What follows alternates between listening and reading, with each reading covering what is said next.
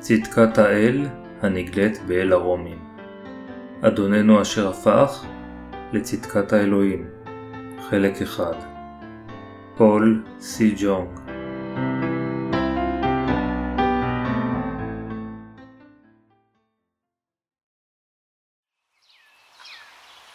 הקדמה לאל הרומים, פרק 1 איגרת פאולוס השליח אל הרומים יכולה להיות מצוינת כאוצר של התנ"ך. היא בעיקר עוסקת בכיצד האדם יכול להשיג את צדקתו של האל על ידי האמונה בבשורת המים והרוח. כשמשווים את אל הרומים לאיגרת יעקב, מישהו הגדיר את הראשון כדברי אוצר ואת האחרון כדברי קש. בכל אופן, איגרת יעקב ודבר האל בדיוק כמו אל הרומים. ההבדל היחידי הוא שאל הרומים הוא יקר ערך כיוון שהוא מספק ראייה כללית על התנ"ך, בעוד שאיגרת יעקב היא יקרת ערך, כיוון שהיא הדבר אשר גורם לצדיקים לחיות על פי רצון האל. מיהו פאולוס האדם? הבה נקרא את אל הרומים, פרק 1, פסוקים 1-7. פאולוס, עבד ישוע, מקרא להיות שליח ונבדל לבשורת האלוהים, אשר הבטיחה מלפנים ביד נביאיו בכתבי הקודש. על דבר בנו הנולד מזרע דוד לפי הבשר, אשר הוכן לבין האליהם בגבורה לפי רוח הקדושה בתחייתו מבין המתים, הוא יהושע משיח אדוננו, אשר בידו קיבלנו חן ושליחות להקים משמעת האמונה בכל הגויים למען שמו, אשר בתוכם מנכם, גם אתם, קרואי ישוע המשיח. קטע זה אולי יכול להיחשב כברכתו של פאולוס אל הנוצרים אשר ברומא. פאולוס מברך אותם כעבדו של ישוע המשיח, אשר נעשה לצדיקו של אלוהים. פסוק אחד עונה על השאלה מיהו פאולוס. הוא היה יהודי אשר פגש את האדון שקם לתחייה בדרך לדמשק ואשר נבחר ככלי חפץ של האדון. מעשה השליחים, פרק 9, פסוק 15, כדי להפיץ את הבשורה לגויים. פאולוס הפיץ את הבשורה האמיתית המבוססת על שיטת ההקרבה ועל הנבואות אשר בברית הישנה. בפסוק 2 פאולוס השליח הפיץ את הבשורה המבוססת על הדברים בברית הישנה. הוא הגדיר את בשורת האלוהים כאשר הבטיחה מלפנים ביד נביאיו בכתבי הקודש. באמצעות פסוק זה, אנו יכולים לראות שפאולוס השליח לימד את בשורת המים והרוח על בסיס שיטת ההקרבה בברית הישנה. יתר על כן, פסוק 2 מראה שפאולוס נבחר כדי לעשות את עבודת הבשורה. הקטע אשר הבטיחה מלפנים ביד נביאיו בכתבי הקודש, מרמז על הבטחתו של אלוהים, אשר מופיעה בשיטת ההקרבה או במבואות של הברית הישנה, לשלוח את יהושע המשיח. כל הנביאים של הברית הישנה, כולל משה, ישעיהו, יחזקאל, ירמיהו ודניאל, העידו על העובדה שיהושע המשיח יבוא לעולם הזה וימות על הצלב לאחר שיקח את חטאי העולם. מהי הבשורה כפי שפאולוס השליח העביר? הוא הטיף על בשורת המים והרוח אשר מדברת על בן האלוהים, ישוע המשיח. אחדים מהאנשים אומרים שדברי הברית הישנה כבר הסתיימו, ואחרים טוענים את אותו הדבר כשהם מספקים את הדברים במתי פרק 11 פסוק 13 כהוכחה לכך. אחדים מהמטיפים הידועים אפילו מתעלמים מכל הברית הישנה. בכל אופן, אלוהים הבטיח לנו באמצעות הברית הישנה והוא קיים את הבטחתו באמצעות ישוע המשיח בברית החדשה. לכן, בעולם האמונה, הברית החדשה אינה יכולה להתקיים ללא הברית הישנה. באותו אופן, דברי הברית הישנה אינם יכולים להתקיים ללא דברי הברית החדשה. פאולוס השליח נבחר לבשורת האלוהים. אם כן, השאלה היא, איזה סוג של בשורה הוא הטיף?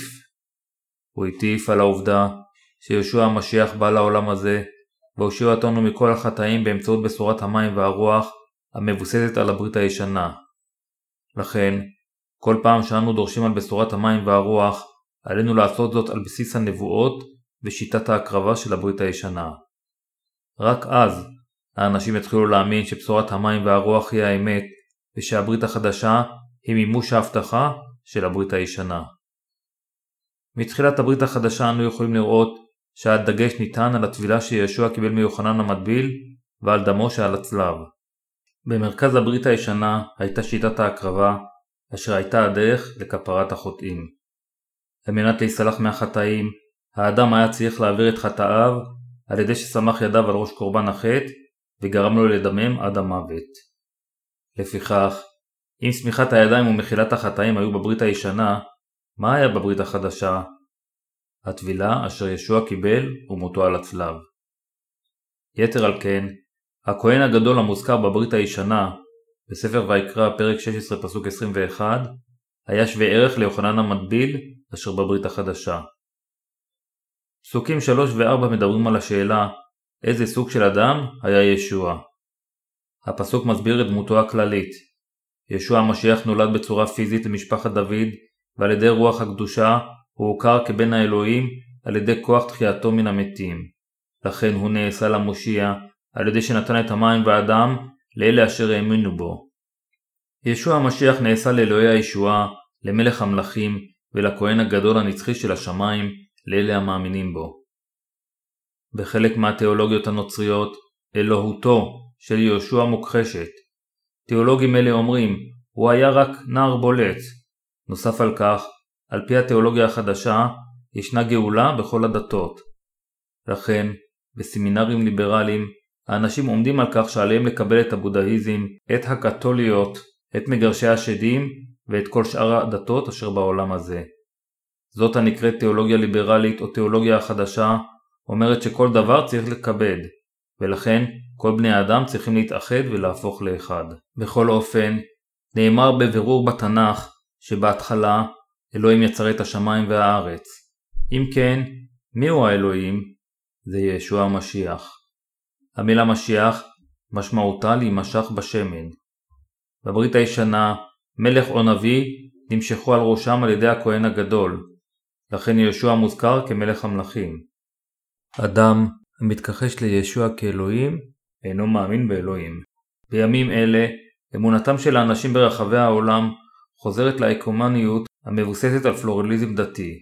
הם משבחים ומתפללים שהם מצרפים את כל יסודות הדתות של העקום, כמו בודהיזם וקונפוציוניזם. בזמן מסוים, תפילת הקהל היא בדרך בודהיסטית, ובזמן אחר הם עושים זאת בדרך נוצרית. ובכן, יכול להיות שיש התמזגות של מאכלים טעימים. בכל אופן, כאשר זה מגיע לאמונה, המוחלט הוא היותר טוב. לכן, התשובה לשאלה בפסוק 3 ו-4 מיהו יהושע היא שהוא האחד אשר מוכר כבן האלוהים על ידי כוח תחייתו מן המתים. המשיח הפך לאדון ולמושיע שלנו. פסוקים 5 ו-6 מדברים על כיצד פאולוס הפך לשליח באמצעות האלוהים. הוא הפך לעד כדי להפיץ את הבשורה לגויים, כדי שעל ידי כך הם יוכלו לקבל גאולה באמצעות האמונה ביהושע המשיח. איזו סוג של סמכות הייתה לפאולוס השליח? כפי שרשום בפרק 7, לפאולוס השליח הייתה סמכות לברך את המאמינים ביהושע בשם האלוהים. המשמעות של סמכות השליח היא להיות בעל כוח המסוגל לברך את כל האנשים בשם ישוע המשיח. לכן, פאולוס יכל להגיד, חסד ושלום לכן, מאת האלוהים, אבינו ואדוננו, יהושע המשיח. כאן, ברצוני לחשוב קצת יותר על ברכה זו. נראה שפאולוס השליח היה בעל סמכות לברך את האנשים, ובכל פעם שאנו מסיימים את תפילת יום ראשון, אנו מסיימים עם ברכות. אלוהים רוצה לשלוח סוג זה של ברכה לכל הקדושים. דברי הברכה המקוריים הם כדלקמן. הבה נתחיל עם ספר במדבר, פרק 6, פסוק 22. וידבר אדוני אל משה לאמור, דבר אל אהרון ואל בניו לאמור, כה תברכו את בני ישראל, אמור להם, יברכך אדוני וישמרך, יאר אדוני פניו אליך ויחונך, יישא אדוני פניו אליך וישם לך שלום. נאמר לאהרון הכהן הגדול ולבניו, כה תברכו את בני ישראל, אם הם יברכו את בני ישראל בדרך זו, אלוהים יברכם, כפי שנאמר בכתבי הקודש. כאשר אנו מסתכלים באיגרת אל פילטון, אנו יכולים לראות שהוא לעיתים קרובות אומר, חסדו של אלוהים יהיה איתך. זה מראה שלא הוא בעצמו ישלח ברכה, אלא אלוהים יעשה זאת. לכן, פאולוס השליח תמיד נתן ברכות לקדושים כל פעם שהוא סיים את אגרותיו. לפאולוס הייתה הסמכות לתת לאנשים את ברכותיו של אלוהים. סמכות זו לא נמסרה לכל כמרי הנצרות. במקום זאת, היא ניתנה רק למשרתי האל. כאשר משרתי האל מברכים ואומרים שהם באמת משתוקקים לתת ברכות, אלוהים למעשה מעניק להם ברכות אלו על פי הברכה. אלוהים נתן סמכות שמימית לא רק למשרתיו, אלא גם לקדושים הנולדים מחדש. אלוהים אמר, והיה כל אשר תסלחו את חטאתם, ונסלח להם, ואשר תאשימו, יושמו. יוחנן, פרק 20, פסוק 23. הוא העניק סוג כזה של סמכות לכל הצדיקים.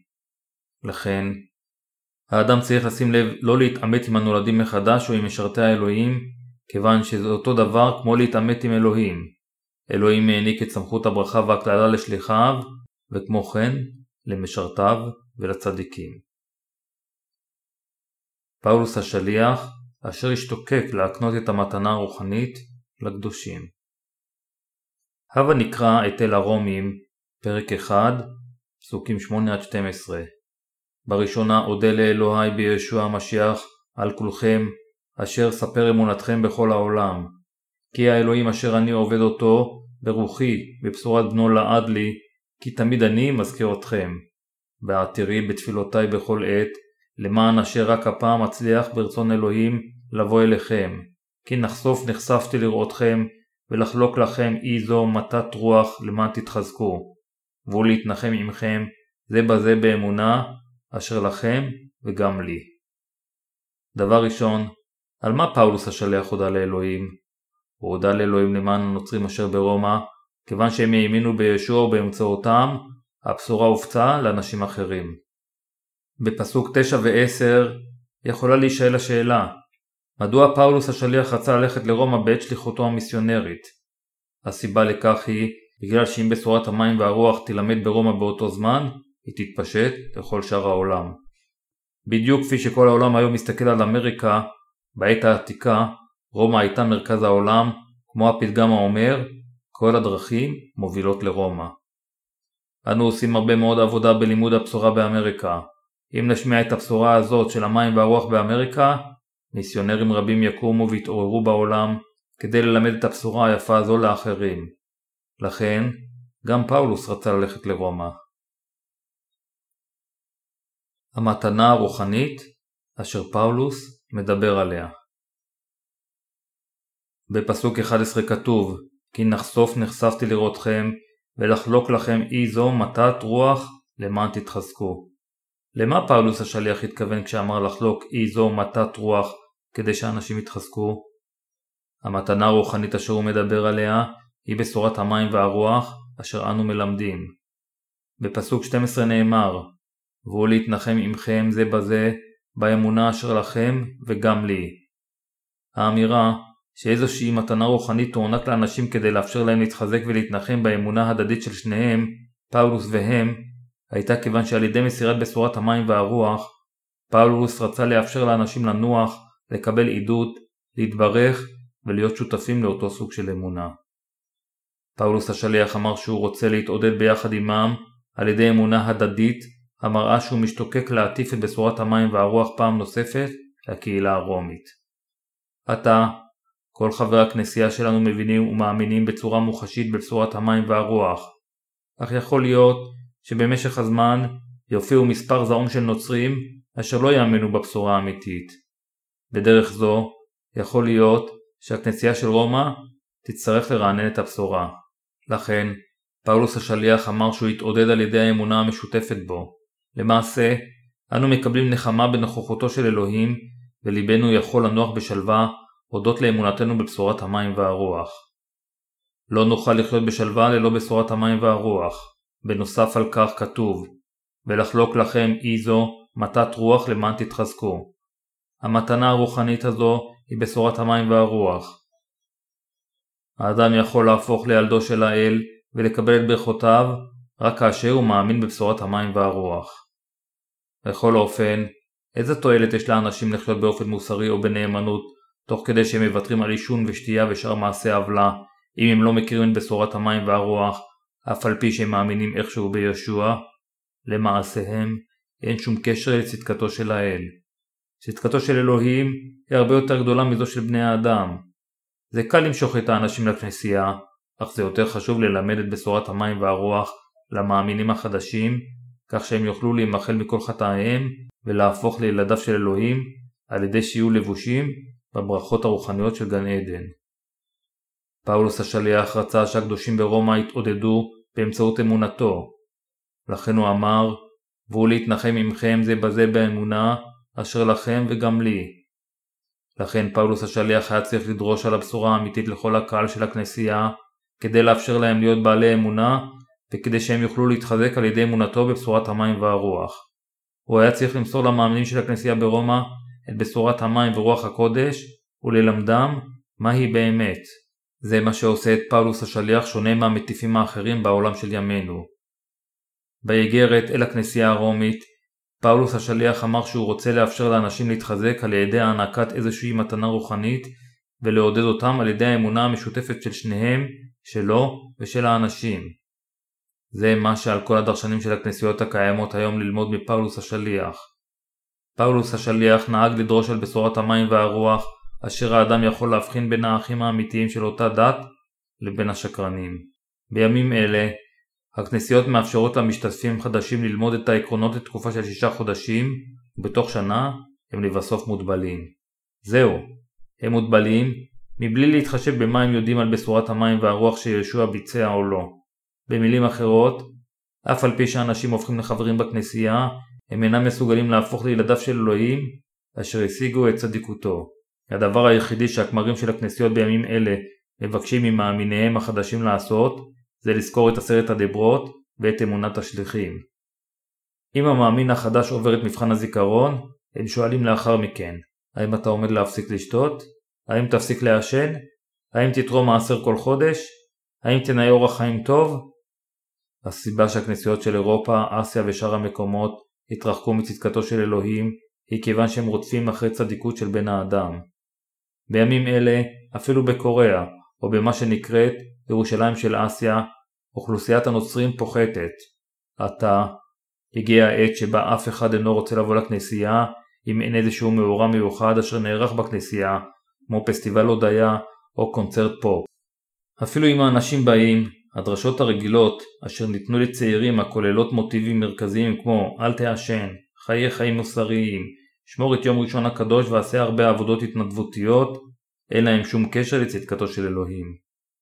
כיוון שבני האדם ממהרים לחטוא, והם יותר מדי חלשים מלהפסיק לחטוא, האדם צריך להסתמך על ישוע.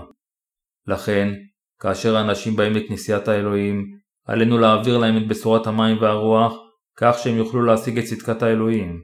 בשבילם, עלינו באמת להנחיל להם את צדקת האלוהים, אשר אומרת שאני ואתם נעשינו חפי חטאים, אף על פי שאנו עדיין לא מושלמים. אך זכרו בוודאי, האדם יכול לחיות על פי רצונו של אלוהים רק לאחר שהוא הופך לחסר חטאים על ידי האמונה בצדקתו של אלוהים. האדם יכול ללמד את בשורת המים והרוח ברגע שבעיות החטאים שלו מיושבות. על לעבודתנו של הפצת הבשורה לאחרים להקדים את יישוב בעיית החטאים שלנו. האדם אף פעם אינו יכול ללמד את האחרים על הבשורה האמיתית, אלא אם כן בעיות החטאים שלו נפתרו. נאמר שפאולוס השליח באמת העניק איזושהי מתנה רוחנית לאחרים. המתנה שפאולוס דיבר עליה היא לא המתנה של דיבור בלשונות זרות או ריפוי, אשר מדובר עליהם בתנועת הפנטקוסטל בנצרות של ימינו. רוב הנוצרים מחשיבים תופעות מוזרות כמו ראיית חזיונות, ניבוי, דיבור בלשונות אחרות או ריפוי מחלות כמתנות. בכל אופן, דברים אלו הם אינם מתנות רוחניות מהשמיים. ראיית חזיונות בשעת התפילה היא ללא ספק אינה מתנה רוחנית. אדם אשר צועק בטירוף, או אדם אשר משתגע במערה כל זמן שהוא שומע קולות מוזרים בשעה שהוא לא היה מסוגל לישון במשך שלושה לילות, אלה לא מתנות האלוהים. אדם המצהיר שהוא מסוגל לדבר בלשונות זרות ונופל בצורה לא מודעת לרצפה לאחר שהוא צועק דברים מוזרים, לה לה לה עם לשון מעוותת, אין זה סימן לאחד אשר קיבל את רוח הקודש. במקום זאת, זה דומה לחולה אשר לא יציב מבחינה נפשית במוסד לחולה רוח אשר מתפרע. בכל אופן, ישנם אלה הנקראים מעוררים לתשובה כריזמטיים, המתעקשים שהם יכולים ללמד את הנוצרים כיצד לדבר בלשונות אחרות, או כיצד לקבל את רוח הקודש. הם עושים משהו שמאוד לא ראוי, והאמונה שהם מחזיקים בה היא ללא ספק אינה נכונה. מי החיים של רוח הקודש זורמים מליבנו כאשר אנו עושים בנאמנות את עבודתו של אלוהים והולכים אחרי ישוע. מי רוח הקודש יעלו על גדותיהם בליבנו כאשר נצמצם את המעשים הגשמיים ובמקום זאת נלך אחרי המעשים הרוחניים. אנו צריכים להשיג את המתנה הרוחנית של מחילת החטאים על ידי האמונה בבשורת המים והרוח. מישהו אמר שמספר רב של נוצרים ברגע זה שמים את פעמיהם לגיהנום דרך כיסאות הכנסיות של ימים אלה. זה מראה שהכנסיות של ימינו מעודדים צדיקות של בני האדם במקום להטיף על צדיקותו של אלוהים. אחים, אפילו אם האדם יערום הרבה צדיקות של בן אנוש לאחר שהוא מבקר בכנסייה, אין זה אומר שהוא יוכל לקבל את המתנה הרוחנית על ידי מעשים כאלה. עלינו לקחת את צדיקותו של אלוהים לתוך ליבנו על ידי האמונה בבשורת המים והרוח, כך שנוכל להשיג את המתנה הרוחנית. הבה נקרא פסוק 13-17 ולא יכחד מכם אחי, כי פעמים רבות שמתי על ליבי לבוא אליכם, אך נמנע ממני עד הנה, למען אמצא פרי גם בכם, כמו ביתר הגויים. מחויב אנוכי ליוונים וגם ללועזים, לחכמים ולפתאים. לכן נדבני ליבי להשמיע את הבשורה גם אתכם אשר ברומי. כי אינני בוש מבשורת המשיח, כאשר גבורת אלוהים היא לתשועת כל המאמין, ליהודי בראשונה, וכן גם ליווני. כי תגלה בה צדקת אלוהים, מאמונה אל אמונה, ככתוב, וצדיק באמונתו יחיה. פאולוס השליח רצה ללכת לרומא. בכל אופן, הוא לא יכל לעשות כן, כיוון שנמנע ממנו. לכן היה עליו להתפלל כדי שהדלת של עבודתו המיסיונרית תיפתח. באותו אופן, עלינו להתפלל אותו סוג של תפילה כאשר אנו משמיעים את הבשורה ברחבי העולם באמצעות הספרות.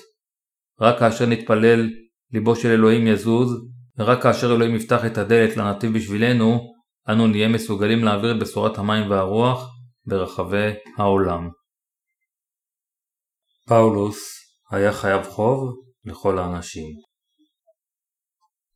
למי פאולוס השליח אמר שהוא חייב חוב, ולאיזה סוג של חוב הוא התכוון בפסוקים 14 ו-15?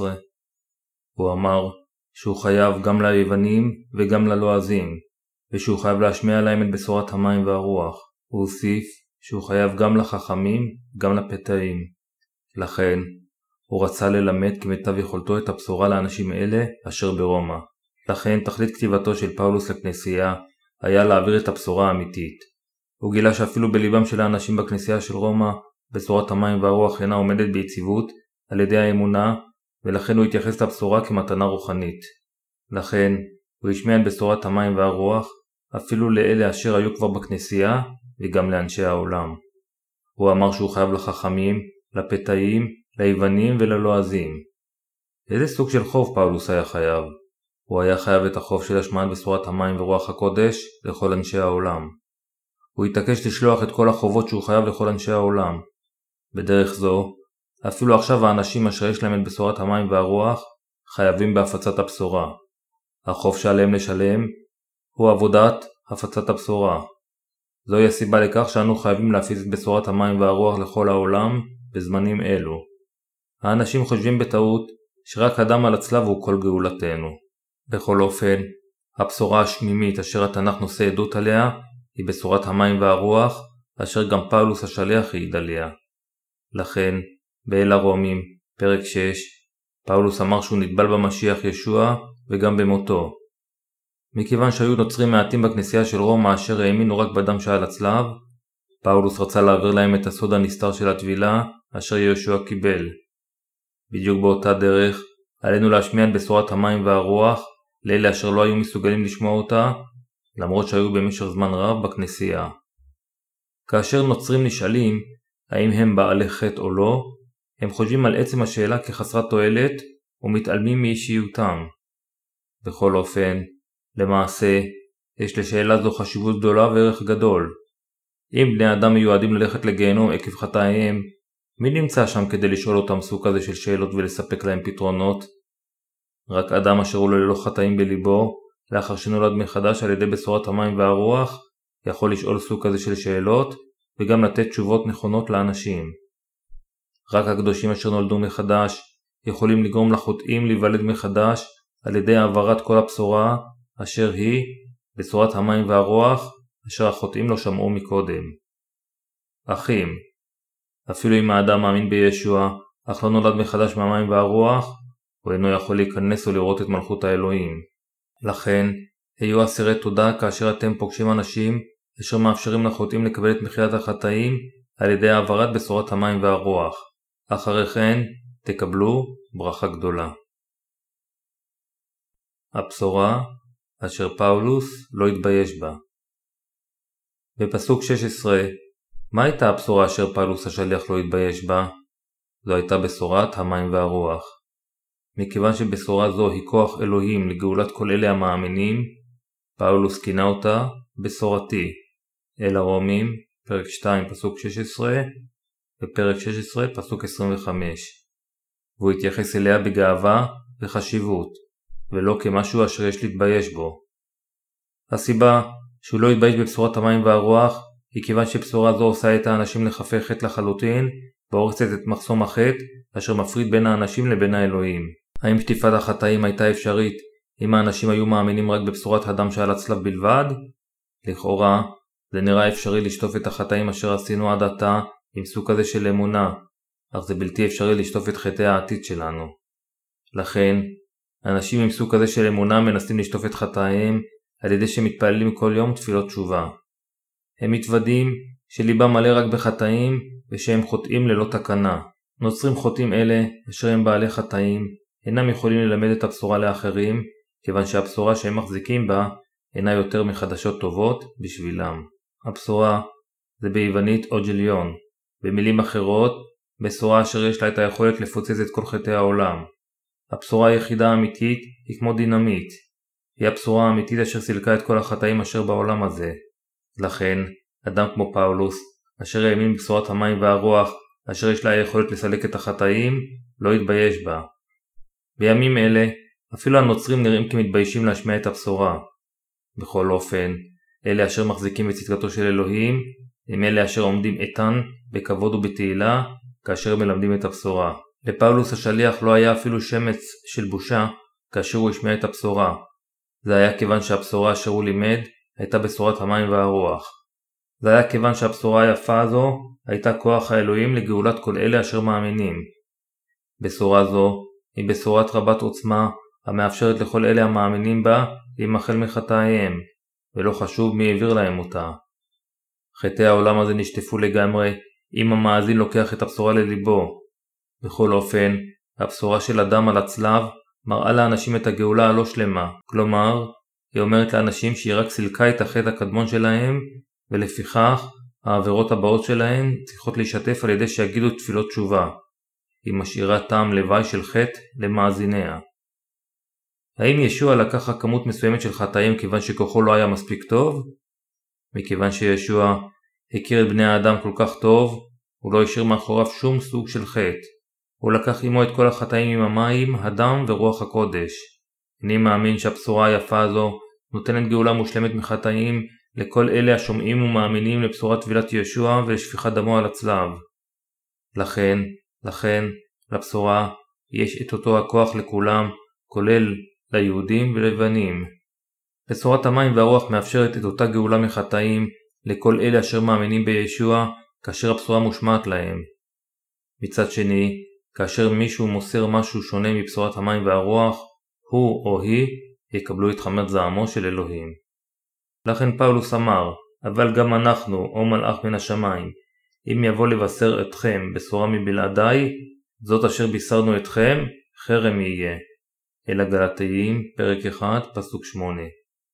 פאולוס השליח אמר בבירור שמתוך כל הבשורות, רק בשורת המים והרוח היא הנכונה. בלי קשר אם האדם הוא גוי או יהודי, או אם הוא מאמין באסלאם, קונפקציוניזם, בודהיזם, טאואיזם, אל השמש או במשהו אחר, לכל אדם יש את ההזדמנות לשמוע את הבשורה. יתר על כן, בשורה זו של המים ורוח הקודש מספקת להם את ההזדמנות להינצל מכל חטאיהם.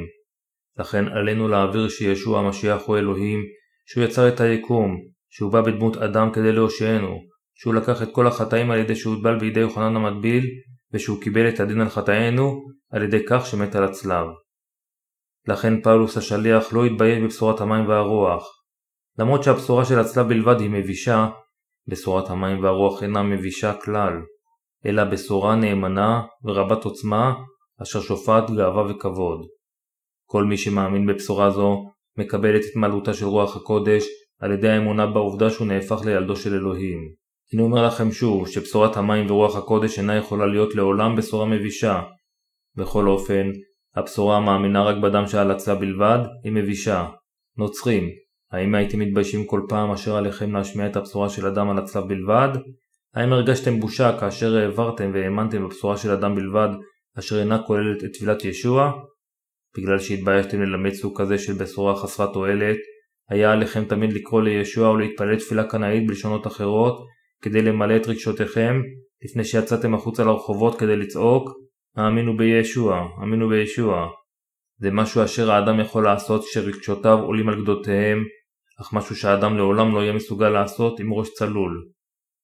זוהי הסיבה שאלה אשר מאמינים רק בדם של הצלב, צועקים בקול נרגש ומפריעים כל פעם שהם בחוץ ברחובות כאשר הם מטיפים לנצרות. כשהם מקרבים את המגפון קרוב לפיותיהם הם רק צועקים את המילים ישוע, לגן עדן, הלא מאמינים לגיהנום. בכל אופן, המאמין בבשורת המים והרוח מוסר את הבשורה בדרך מאוד מנומסת. כאשר הוא פותח את התנ"ך שלו הוא שותה תה ומשוחח עם האחרים. מה נאמר על בשורת צדקת האלוהים? בפסוק 17, מה מתגלה בבשורת המשיח? הוא אומר שצדקת אלוהים מתגלה בבשורת אלוהים. צדקת אלוהים מתגלה במלואה בבשורה האמיתית. לכן, נאמר שצדקת אלוהים נגלית מאמונה אל אמונה, ושעל הצדיק לחיות רק על ידי האמונה. הבשורה אשר מעבירה רק את הדם שעל הצלב, אינה מכילה את צדקת אלוהים. אחים, אם היה נאמר שעל האדם לתת תפילות תשובה כל יום על חטאי היומיום שלו, אף על פי שחטאו המקורי נמחל, ושאדם יכול להתקדש בהדרגה עד שלבסוף יהפוך לצדיק מושלם, האם סוג כזה של אמונה מכיל את צדקת אלוהים? זה אינו דבר אשר צדקת אלוהים מתגלה בו. משהו אשר צדקת אלוהים מתגלה בו, מדבר על דברים מושלמים. בשורת המים ורוח הקודש מדברת על בשורה מושלמת מההתחלה ועד הסוף. אתם האנשים מעלים תפילות תשובה יומיומיות כיוון שאתם עושים חטאים כל יום כאילו אתם חייבים לעשות כיסוי חדש מעץ תאנה כדי לכסות על הצד המביש שלכם כל יום, או אולי כל שבוע, או כל חודש. האדם נעשה שוב ושוב חוטא על ידי שהוא אומר תפילות תשובה יומיומיות, זה כאילו שהוא מכסה את גופו המחפיר עם מלא תאנה. זהו מצב של חיי דת של אלה המאמינים בבשורה של אדם שעל הצלב בלבד. הם אלה הטיפשים, אשר אינם רוצים ללבוש כיסוי מאור אשר אלוהים נתן להם באופן חופשי, אך במקום זאת נהנים ללבוש את כיסוי עלי התאנה. דמו של יהושע על הצלב הייתה התוצאה של טבילת ישוע, וזה לא היה שפיכת הדם על הצלב, אשר באמצעותה ישוע היה מסוגל לקחת את חטאינו. הוא לקח את חטאינו בשעה שהוא הוטבל, ואז בא אל הצלב כשהוא נושא את כל חטאי העולם, ומת כדי לכפר על חטאי העולם. לכן, הצלב היה התוצאה של הטבילה שהוא קיבל. מכיוון שישוע לקח את כל חטאינו באמצעות טבילתו, שפיכת דמו על הצלב היה מעשהו האחרון כדי לכפר על כל חטאינו. ישוע קיבל את כל כלילות החטא על הצלב, כיוון שהוא הוטבל. אם כן, כיצד נוכל להשיג את צדקת האלוהים? אנו יכולים להשיג אותה על ידי כך שנכיר ונאמין בבשורת המים והרוח. יכול להיות שתשאלו אותי, אם כן, האם אתה מאמין בבשורת המים והרוח? אז אני אוכל לענות מיד ובבירור, כן, לשאלה הזו. הסוד אשר משיג את צדקת האלוהים הוא להאמין בבשורת המים והרוח. הסיבה לכך היא כיוון שבשורת המים והרוח היא האמת, וכיוון שהיא מגלה את אהבתו של אלוהים וצדקתו. וגם בגלל שבשורת המים והרוח כוללת את מחילת החטאים, אשר אלוהים נתן לבני האדם באופן חופשי, את הדרך להפוך לילדיו, את ברכת חיי הנצח אשר האדם יכול לקבל, את רוח הקודש, ואת הברכות הפיזיות והרוחניות על האדמה. פאולוס השליח אמר שצדקת האלוהים מתגלה במלואה בבשורת המים והרוח אשר הוא לימד. לכן, לשים את צדקת בני האדם מבלי לדעת את צדקת האלוהים, זה כמו לחטוא לפני אלוהים. נוסף על כך, הבשורה אשר מאמינה רק בדם שעל הצלב, אך אינה מכילה צדקתו של אלוהים, היא שקרית. צדקתו של אלוהים מיוחסת לכל בשורת המים והרוח אשר הוא נתן. הברית הישנה והחדשה כצמד הצילו אותנו מחטאינו. הברית הישנה הייתה הכנה לברית החדשה, והברית החדשה קיימה את דברי ההבטחה אשר כלולים בברית הישנה. אלוהים מושיע אותנו מחטאי העולם, על ידי שנתן לנו בשורה אמיתית, אשר צדקתו מתגלה בה במלואה. כך הוא הושיע את בני האדם מחטאיהם. עתה, על כל העולם לחזור לבשורת המים והרוח. הבשורה היחידה אשר מושיעה את האנשים מהחטא היא הבשורה המקורית של המים והרוח. אחים, כל העולם חייב לחזור לבשורת המים והדם. הם חייבים לחזור לבשורה הזו של המים והרוח, אשר מכילה את צדקת האלוהים. הסיבה לכך היא כיוון שבשורת המים והרוח היא האמת היחידה אשר יכולה להוציא אותנו מהחטא. רק הבשורה אשר מכילה את צדקתו של אלוהים יכולה להושיע אותנו, לעשות אותנו חפי חטא ולהפוך אותנו לילדיו של אלוהים. יתר על כן, רוח הקודש אשר בלבנו מגינה על אנשי האלוהים, ורוח הקודש הזו מתפללת למעננו, מברכת אותנו תמיד, נשארת איתנו ונותנת לנו חיי נצח כמתנה. זה כל כך מטריד לראות שישנם כל כך הרבה אנשים אשר אפילו לא מקדישים תשומת לב לבשורה הזו.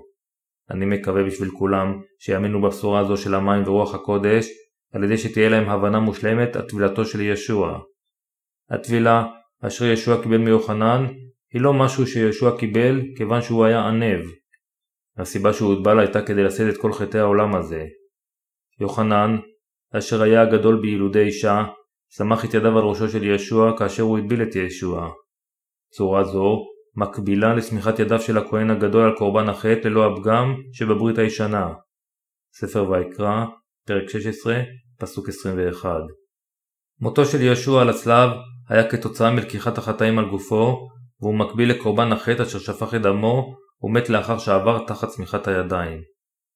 מכיוון שבשורה זו של המים ורוח הקודש הוזכרה גם בברית הישנה וגם בברית החדשה, כל מי שמאמין בבשורה אחרת כשהוא משמיט איזשהו חלק מהבשורה המקורית, יש לו אמונה מוטעית.